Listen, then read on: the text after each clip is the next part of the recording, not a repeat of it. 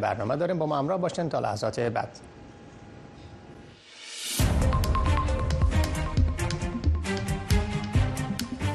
سرخط سه خبر مهم در برنامه امروز تلویزیون آشنا صدای امریکاست واشنگتن.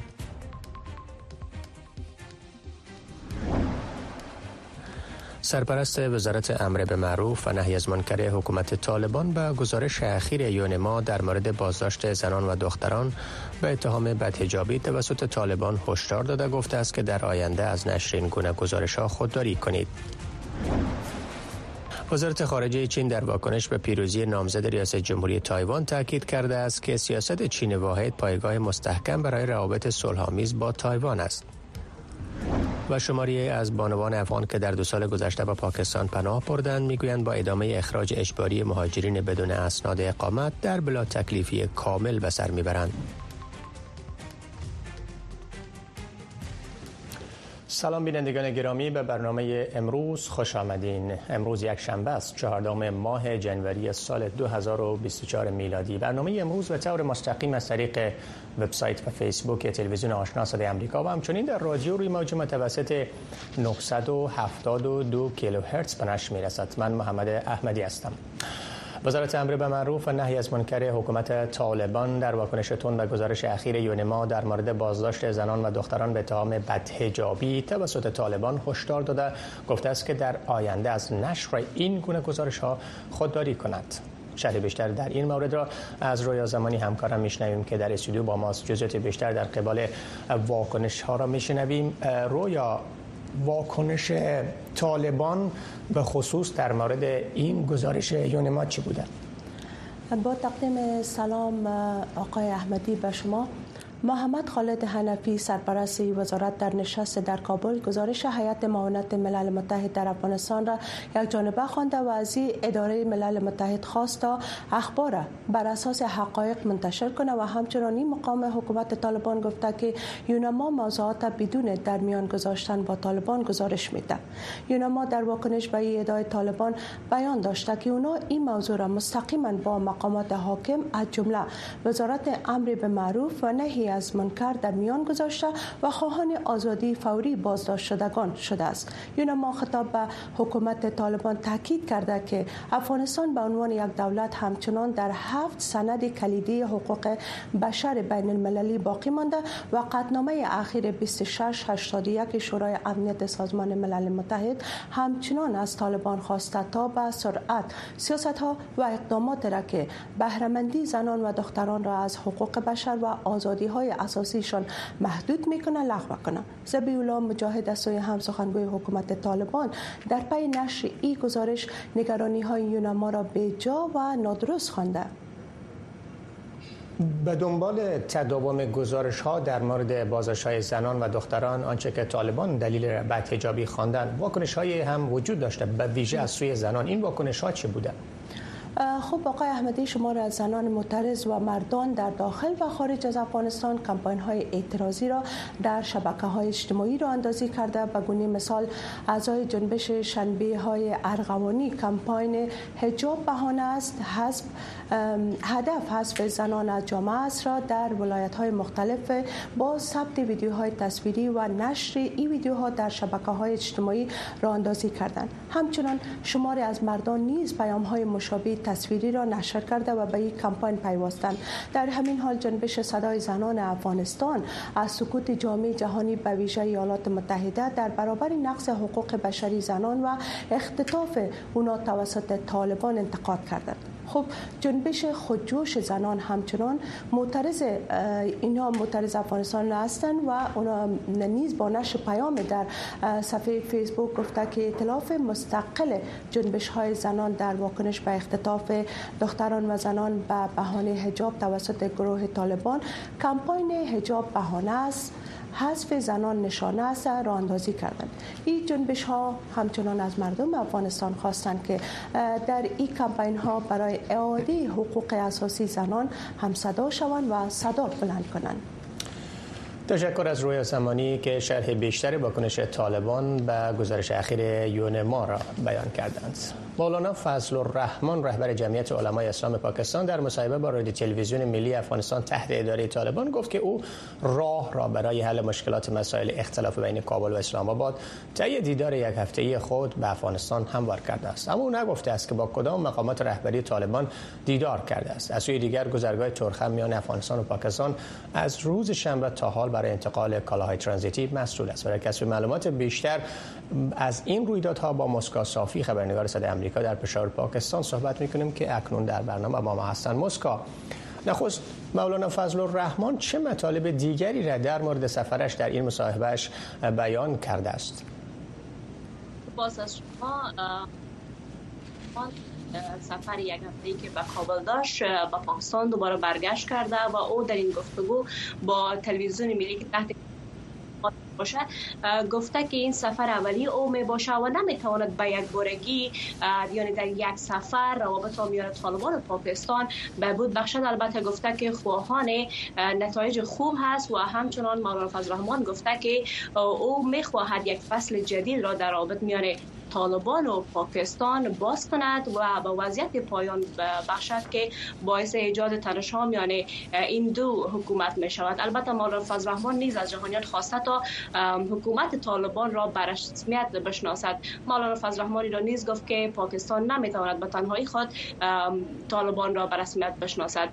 از یک سو مولانا فضل الرحمن خواهان بهبود روابط میان طالبان و پاکستان می باشد از سوی دیگر پاکستان نگران وضعیت امنیتیش است. روز گذشته هم مقامات پاکستانی از یک انفجار احوال داده و اردوی پاکستان در اعلامیه خود گفته که در اثر انفجار یک بم کنار جاده در نزدیکی کاروان نظامی صورت گرفته پنج سرباز کشته شده و البته مسئولیت این حمله را هم جبهه آزادی بخش بلوچستان به عهده گرفته خب تازه ترین معلومات از وضعیت مسئولی گذرگاه ترخم چی است؟ مرز ترخم پس از 48 ساعت اکنون هم بسته هست و چون روز روز یک شنبه بود روز رخصتی بود هیچ نشستی هم صورت نگرفته اما ممکن فردا نشست صورت بگیرد و مرز باز شود ولی تاکنون چیزی گفته نمی شود از سوی دیگر رانندگان موترها و همچنان تجارها به شکو آمده و علت بسته ماندن مرز هم نداشتن ویزا و پاسپورت از سوی رانندگان افغان می باشد ولی مقامات ترخم می‌گوید تا زمانی که اسلام آباد امر باز کردن ترخم را ندهد چیزی گفته نمیشه سپاس از مسکا صافی با شرح بیشتر گزارش های از پاکستان. محمود چنگیز کارشناس مسائل دشت با استاد دانشگاه جورج میسن در امریکا می‌گوید طالبان توانایی مبارزه با عناصر غیر حکومتی مانند تحریک طالبان پاکستانی و شاخه خراسان داعش را ندارد. آقای چنگیز در صحبت با همکارم شیلا نوری نخست در مورد سفر مولانا فضل الرحمن و افغانستان و احتمال همکاری بین پاکستان و حکومت طالبان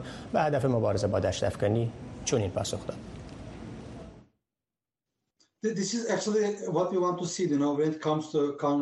در اصل وقتی مسئله مبارزه با دهشت افگنی مطرح می شود به نظرم کشورها با هم صحبت می کنند پاکستان به دلیل افزایش فعالیت های دهشت افگنی در خاک این کشور نگران است. به اساس معلومات database هایی که حملات تروریستی را ثبت می کنند بیشتر از 500 حمله در پاکستان پس از به قدرت رسیدن طالبان در افغانستان اتفاق افتاده است. این به نحوی نتایج ناخواسته به قدرت رسیدن طالبان در افغانستان بود. پاکستان یکی از کشورهایی است که حامی به قدرت رسیدن طالبان بود اما حملات دشت افغانی تی تی پی در برابر پاکستان افزایش یافته است. در کنار آن شاهد هستیم که نفوذ داعش در داخل خاک افغانستان افزایش یافته است. به نظرم برای جلوگیری از حملات در خاک پاکستان باید به منبع آن در افغانستان دیده شود و اینکه باید بین کشورها همکاری سودمند وجود داشته باشد. به این معنی که دیدار این مقام پاکستانی از افغانستان می تواند بر نقش افغانستان در مبارزه با تی تی پی و حملات در خاک افغانستان نقش بارز داشته باشد So how do you assess Taliban and Pakistan relation forward? شما رابط آینده بین پاکستان و افغانستان که به دلیل عملیات تی تی پی از خاک افغانستان علیه پاکستان تنش داشته است چطور ارزیابی می‌کنید؟ به نظر شما پالیسی پاکستان در قبال طالبان تغییر کرده است؟ مسئله مهم در اصل توانایی طالبان در جلوگیری از تهدیدات تی تی بی در منطقه مطرح است. اما طالبان توانایی جنگ در برابر مناظره را ندارند و نه می توانند جلو تهدیدات عوامل غیر حکومتی مانند گروه تی تی پی و داعش را بگیرند. حتی اگر طالبان بخواهند همکاری کنند آنها در برابر تی تی پی مبارزه نمی کنند در پاسخ به پرسش شما فکر نمی کنم طالبان بخواهند در برابر تی تی پی به جنگ کنند. با وصف این که با فشارهای حکومت پاکستان روبروند تا در برابر تهدیدات این گروه در منطقه مبارزه کنند. فکر می‌کنید طالبان می توانند تی تی پی را سرکوب کنند در صورت که هر دو گروه نظرات مشابه ایدئولوژی سیاسی و اسلامی در کنار روابط نزدیک دارند؟ این مسئله پرسش تمایل طالبان برای جنگ در برابر تی تی پی را مطرح می سازد به خاطر که با هم شباهت قوم و ایدئولوژی دارند و فراتر از این که طالبان چه تمایل دارند آنها تجربه جنگ در برابر گروه های غیر حکومتی را ندارند. طی دو دهه جنگ آنها در برابر حکومت قبلی افغانستان و قوای آمریکایی مبارزه کردند. طالبان تجربه مبارزه در برابر تهدیدات تی تی پی را ندارد با آنکه با فشارهای پاکستان نیز روبروند. فکر می کنم در آینده مشاهده افزایش تی پی و خصوص در خیبر پشتونخوا خواهیم بود و تا اکنون حدود 300 حمله بوده است و در گزارش های اخیر ما می بینیم که حملات مختلط حکومت پاکستان را هدف قرار داده است So let's move to the other neighbor of Afghanistan, Iran, which در مورد همسایه دیگه افغانستان ایران صحبت کنیم. اخیرا استخبارات امریکا تایید کرده که دو حمله اخیر در ایران از طرف گروه داعش از خاک افغانستان صورت گرفته است. نظر شما در مورد افزایش همچون تهدیدات از خاک افغانستان در منطقه چی است؟ قبل از همه باید در مورد این که چه کسی در عقب این حملات بوده است کمی توضیح بدهم. در اصل استخبارات آمریکا اعلام کردند که شاخه خراسان گروه داعش در عقب تهدیدات در منطقه است. اما اتهامات متوجه برخی گروه های دیگر در کنار داعش در منطقه است. اگر به طور مثال به جزئیات نظر بیاندازیم هسته اصلی گروه داعش اعلام کرد که شاخه خراسان در ایران حملات انجام داده است و ادعا کردند که 300 نفر کشته و دو نفر بمگذار بودند. اما وقتی به رویداد نگاه می کنیم و تحقیقات صورت گرفت این ادعاها نادرست است. از سوی دیگر برخی اتهامات متوجه اسرائیل است که گفته می شود در منطقه اسرائیل نیز حملات انجام می دهد و رهبران ایران را هدف قرار می دهد اما نحوه این حمله مشابه حملات اسرائیل نیست. اما از نظر روش حمله این نحوه حمله داعش است. به خاطر که شاخه خراسان داعش پس از به قدرت رسیدن طالبان شماری از گرد همایی های مذهبی و مراسم یاد بود را هدف قرار داده بودند. به خصوص مردم شیعه را هدف قرار دادند که از نظر میتودولوژی شباهت های دیده می شود اما در این مورد آنچه می بینیم و تحقیقات انجام شده است ایران اسرائیل و ایالات متحده را به دست داشتن در عقب این حملات متهم کرده است. اما در پاسخ با پرسش افزایش تهدیدات داعش در منطقه فکر می کنم پس از به قدرت رسیدن طالبان گروه داعش یگانه گروهی است که بیشتر تهدیدات در منطقه را برانگیخته است. این گروه نه تنها در افغانستان فعال است بلکه تاثیرات خود را از نظر توانایی انجام عملیات در تاجیکستان و پاکستان دارد و اکنون در ایران در مورد فعالیت این گروه شک و شبهه وجود دارد. ولی در آینده ما مطمئن بودن نمی توانیم که دست کیها در پشت این حملات در ایران است. مصاحبه با کارشناس مسئله دشت افغانی را در مورد وضعیت در افغانستان شنیدید. شماری از بانوان افغان که در دو سال گذشته به پاکستان پناه بردند می‌گویند با ادامه اخراج اجباری مهاجرین بدون اسناد اقامت در بلا تکلیفی کامل به سر می‌برند. این بانوان می‌گویند دروازه های بسته مکاتب دانشگاه و بیکاری در افغانستان باعث شد که با خانواده خود تصمیم به ترک افغانستان بگیرند. اما اکنون که پاکستان مهاجرین بدون اسناد اقامت را از آن کشور اخراج می‌کنند امید دیگری برای آیندهشان باقی نمانده است. و گزارشی در این مورد از فوزی احسان توجه بفرمایید. شماری از بانوان افغان که بدون اسناد لازم اقامت در پاکستان به سر می‌برند و با ترس از اخراج اجباری به صورت پنهانی زندگی دارند می‌گویند یکی از نگرانی های اصلیشان از برگشت به افغانستان نبود امکانات آموزش و تحصیل در آن کشور است. خالص امین زاده که به خاطر از دست دادن کار و فرصت آموزش افغانستان را ترک کرده و اکنون با خانواده خود در پاکستان به سر می‌برد گفت طبعا هیچ کسی به علاقمندی خاص خود کشور خود را ترک کرده بر کشور پاکستان پناه نآورده. یعنی ما دوباره بر دوباره در افغانستان پس بگرده طبعا من چی باید بکنم؟ در صورتی که مکتبم بس است. آیا ما در قصه مرگ نیست؟ مرگ حق است. از هر طرف مرگ به سراغ ما میاد که چی؟ امروز چی فردا؟ آیا که ما اونجا برم خوار برادرم دوباره تحصیل می‌کنم؟ آیا ما خودم دوباره تحصیل کردن می‌تونم دروازه مکاتب برای دختران افغان. آیا دانشگاه برای دختران افغان دروازهش باز می‌شود؟ پس در صورت. ما باید چی بکنیم؟ خالصه که 22 سال دارد و خود سرپرست فامیل شش نفری برادران و خواهران خود است و اکنون در پاکستان در یک مکتب به صورت داوطلبانه به عنوان معلم کار می کند می گوید برادر 20 سالش هم اکنون به افغانستان اخراج شده است. خود و دو خواهر و دو برادر دیگرش هم در معرض اخراج قرار دارند. او در مورد نگرانی هایش در صورت اخراج به افغانستان افزود. خواهر و برادرم چطور میشه. هر کدامشان دوره هستن که تحصیل می‌کنن دوره هستن که آینده خود را باید بسازن. یعنی تا دیری در پاکستان زندگی کردن بدون یکی از اعضای فامیل بزرگتر باشه برادرت باشه که نباشه همراهتا خیلی سخت است. اینا شاید من در شاید امثال من خیلی کسای دیگه باشه که اعضای فامیلش اخراج شده از پاکستان. یک وضعیت نهایت نگاران مینا رحمانی بانوی جوان دیگر است که با به قدرت رسیدن طالبان مجبور به ترک افغانستان شد. او گفت با به سر قدرت آمدن طالبان فرصت کار و تحصیل را از دست داد و اکنون در پاکستان در بی سرنوشتی کامل به سر می‌برد. او از نهادهای مسئول جامعه جهانی می خواهد که بر طالبان فشار وارد کنند تا دروازه های تحصیل و آموزش و همچنان کار را برای دختران و زنان افغان باز کنند. مدت دو سال میشه که طالبا هم خاموشانه رفتار می‌کنن و هیچگاه صدای نه از مرا و نه از دیگران شنیده که باید مکاتب باز شود. و یک فشاری که وارد شود حتما پاسخ خواهد داد طالبان این بانوی افغان از طالبان نیز می خواهد که درهای آموزش و تحصیل را برای دختران باز کند. اما با ادامه اخراج اجباری مهاجران از پاکستان نمی توانند تصویر روشن برای آینده خود و خانواده هایشان تصور کنند و در بلا تکلیفی کامل به سر می برند. فوزی احسان تلویزیون آشنا صدای امریکا واشنگتن وزارت خارجه چین در واکنش به پیروزی کاندید حزب بر سر اقتدار تایوان بر سیاست چین واحد پایگاه مستحکم برای صلح در تایوان تاکید کرده است. وزارت خارجه امریکا پیروزی لای چینگ را در انتخابات تایوان تبریک گفته است. صدها نفر با بلند کردن بالون‌های زرد رنگ برای 100 ثانیه به یاد بود از که های اسرائیلی در اسارت حماس در صدومین روز جنگ اسرائیل و حماس در یک میدان تل ابیب جمع شدند. فومیو کشیدا صدراعظم ژاپن از منطقه نوتو در شمال مرکزی آن کشور که برای بار نخست از زمان زلزله مرگبار اول این ماه یعنی ماه جنوری دیدن کرد.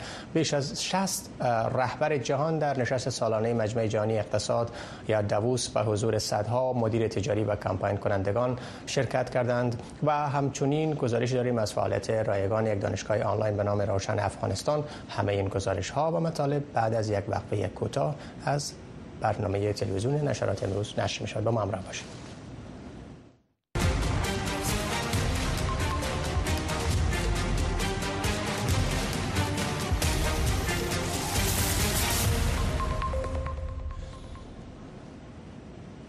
وزارت خارجه چین در واکنش به پیروزی کاندید حزب بر سر اقتدار تایوان بر سیاست چین واحد پایگاه مستحکم برای صلح در تایوان تاکید کرده است. کارشناس تایوانی می‌گوید سیاست های تایوان در قبال چین مشابه باقی میماند. این در حالی است که رئیس جمهور بایدن روز شنبه گفت ایالات متحده از تایوان مستقل حمایت نمی کند در واکنش به برنده شدن رئیس جمهور تایوان وزارت خارجه امریکا پیروزی لایچینگ را در انتخابات تایوان تبریک گفته و از انتخابات سیستم دموکراتیک در این کشور استقبال کرده است. ایالات متحده برای برقراری صلح و ثبات در تایوان متحد است.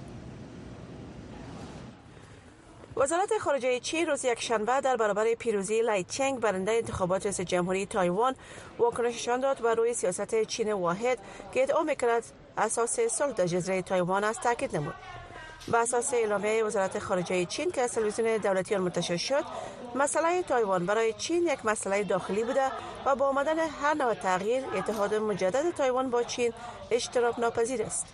از سوی دیگر وزارت خارجه ایالات متحده پیروزی لای چنگ را در انتخابات تایوان تبریک گفت و از انتخاب یک سیستم دموکراتیک در این کشور استقبال کرد. ایالات متحده برای برقراری صلح ثبات در تایوان متحد است. لای چنگ و حزب حاکم او پس از پیروزی ادعای چین را مبنی بر حاکمیت بر قلمرو تایوان رد کرده است.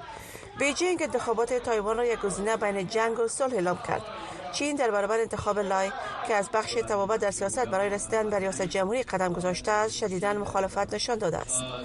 دکتر چن مینگ یک کارشناس تایوانی در بخش سیاست خارجی معتقد است که واکنش ها در برابر پیروزی رئیس جمهور تایوان به نحو جدی و سریع بود اما سیاست این کشور در قبال چین مانند قبل باقی میماند. برخلاف 8 سال قبل که سیاست های وجود داشت که عملی گردد فکر می‌کنم مذاکرات باهم صورت خواهد گرفت. و کمی بطی خواهد شد. به همین خاطر من طرفدار این وضعیت هستم. و نظرم مشی خارجی روابط جزیره تایوان مشابه به گذشته خواهد بود. اما باید بگویم که مربوط به رفتار رئیس جمهوری چین است. این در حالی است که مردم تایوان در برابر انتخاب او نظریات متفاوت دارند. هونگ هسن دکتر در تایوان می‌گوید امیدوار است که رئیس جمهوری تایوان بیشتر به ایالات متحده توجه نکند. ایالات متحده تا کنون با وجود همه مسائل در تایوان نفوذ دارد. اما باید یک نقطه توازن را پیدا کنیم. به خاطر که ایالات متحده بیشتر در تایوان دخیل است. این بر وضعیت در برخی اوقات تاثیر ناگوار دارد. حتی به ما سود نمی رسد اما در هر حال باید توازن ایجاد شود. انتظار دارم که رئیس جمهور تایوان بیشتر به ایالات متحده اتکا نکند. کیون چن باشنده تایپی با اظهار نظر در مورد نتایج انتخابات تایوان گفت نگرانی عمده و محدودیت اقتصادی بر تایوان است.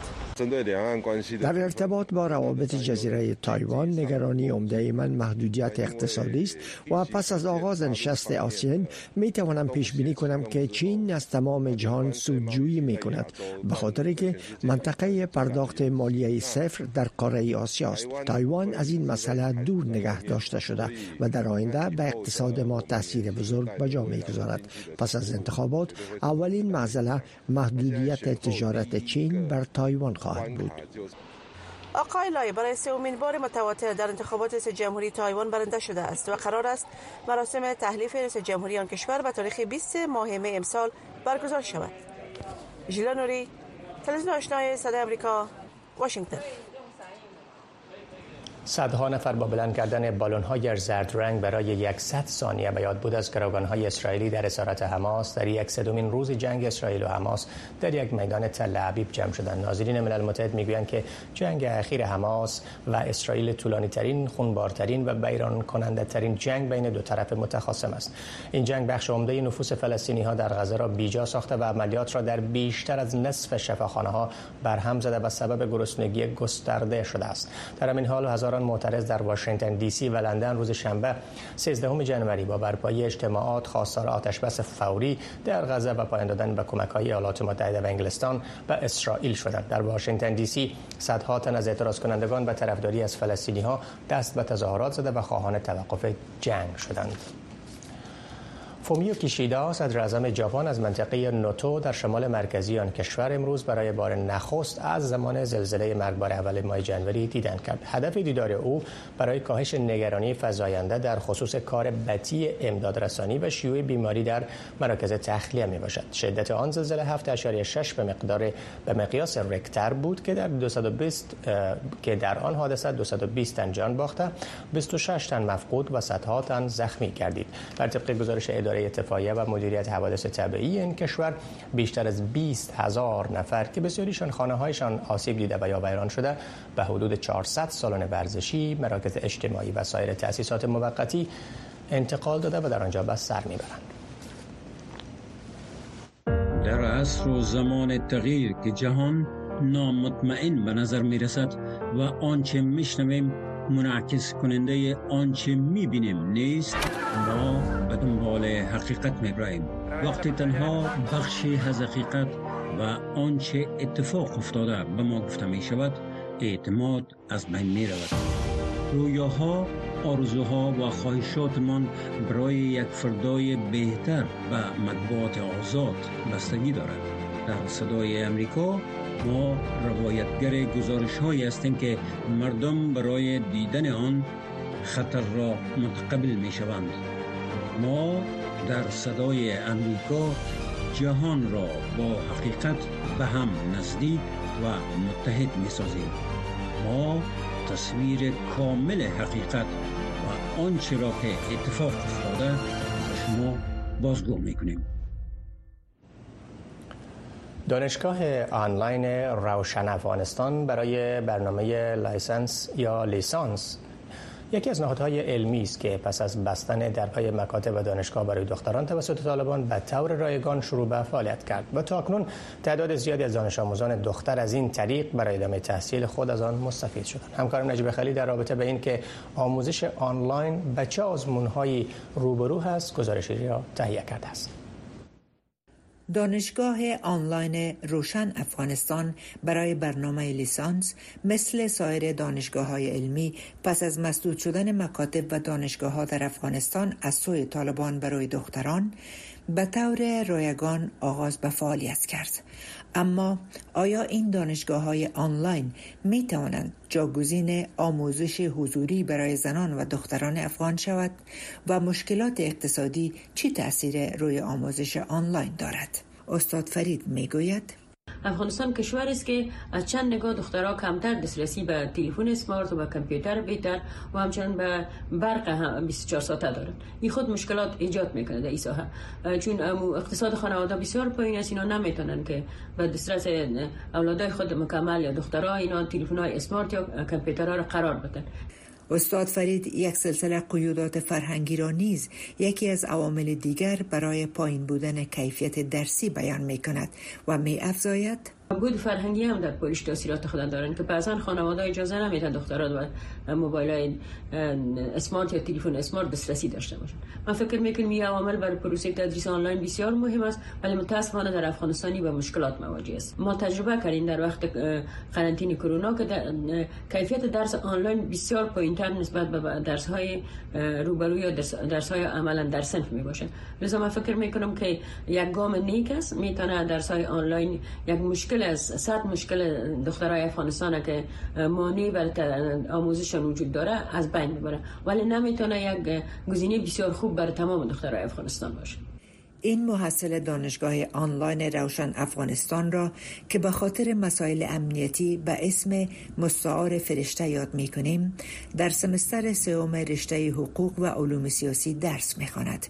او نیز دروس آنلاین را با دروس حضوری قابل مقایسه نمی داند و می گوید هیچ ما نمی‌تونیم مخصوصا در افغانستان نمی‌تونیم درس های حضوری را با درس های آنلاین مقایسه کنیم چون نبود اینترنت در افغانستان نبود برق نبود وسایل دیجیتال در اختیار دختران افغانستان. یک از مسائل است که باعث میشه که ما به این نتیجه برسیم که همگی نمی‌تونن دسترسی به دروس آنلاین داشته باشند. فرشته همچنان نگران کسب مدرک تحصیلی است. یعنی این که سند تحصیل از کجا برایشان داده می شود و آیا برای وزارت تحصیلات عالی قابل پذیرش است یا خیر؟ با آن هم فرشته برای کسانی که انگیزهشان را از دست دادند دروس آنلاین را توصیه می کند و می گوید برای دختری که انگیزش از زندگی از داده. از آینده نام شده دروس آنلاین یکی از پیشنهادهایی است که ما به عنوان یکی از دانشجوی دانشگاه آنلاین برای همگی پیشنهاد می‌کنم و امیدوار هستم که در آینده نزدیک دوباره دروس مکاتب و دانشگاه ها برای همه ما شما باز شوند و به سوی یک آینده درخشان برویم که همگی ما حق رفتن به مکتب را داشته باشیم و دوباره صدای خنده از کلاس های درسی ما بیاید. استاد فرید در اشاره به استعداد و توانمندی محصلین دانشگاه آنلاین روشن افغانستان می گوید با وجودی که محصلین در جریان تدریس از ترس اینکه مبادا صدایشان به گونه شنیده نشود و به خطر مواجه نشوند سوال نمی پرسند اما می افزاید که به مجردی که تست های روزانه فعال می گردد با یک استعداد فوق العاده پاسخ می دهند. نجیب خلیل تلویزیون آشنا صدای امریکا واشنگتن. بینندگان گرامی این بود های برنامه تلویزیون آشنا صدای امریکا. لحظات بعد شما شنونده نشرات ما از رادیو و فیسبوک خواهید. سپاس از همراهی شما با برنامه امروز.